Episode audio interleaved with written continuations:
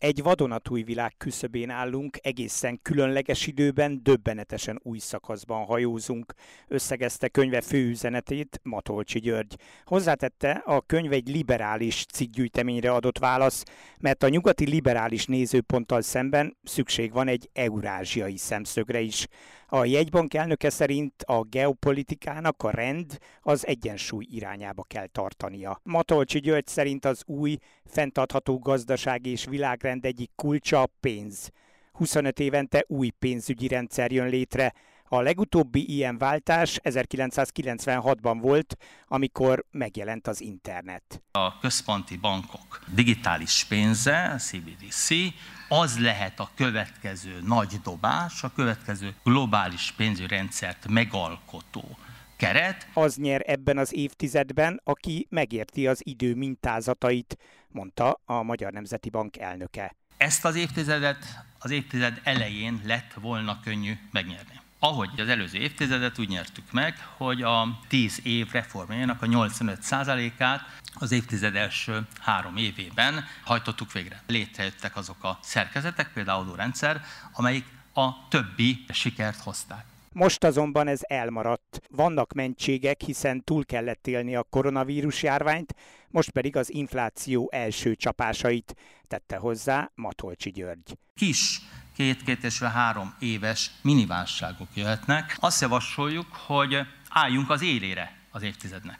Ne elszenvedjük az évtized átmeneteit, hanem mi gyorsítsuk ezeket föl. Nyilvánvalóan az energiátmenetre azonnali és jó választ kell adnunk. A fosszilis erőforrások halottak, a napenergia lesz meghatározó, hangsúlyozta a jegybank elnöke az energia átmenet felgyorsítása nélkül Magyarország biztos nem lehet nyertes. A másik ilyen a fenntarthatóság, a zöld gondolat. Mi a pénzügyi rendszerben ennek az élére álltunk, aztán azt gondolom, hogy a tudás élére kell állni, mert aki nem a tudásra építi, az egyensúly növekedés új képletét, az nem lehet fenntartható, mert az összes többi az kimerül. A Matolcsi György a bírálat a kritika fontosságát hangsúlyozta.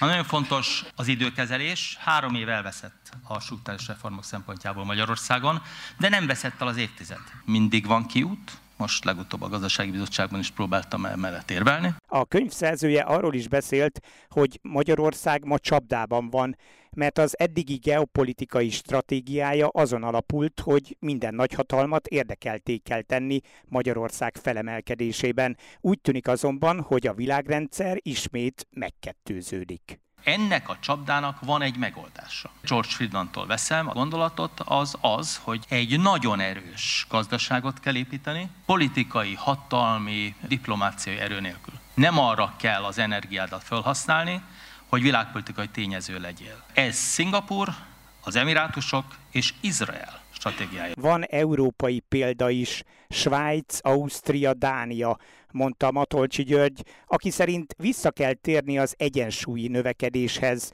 amely nem engedi meg például, hogy a magyar élelmiszeripar az Európai Unióban Bulgária után a legrosszabb termelékenységi szintet hozza, fogalmazott Matolcsi György.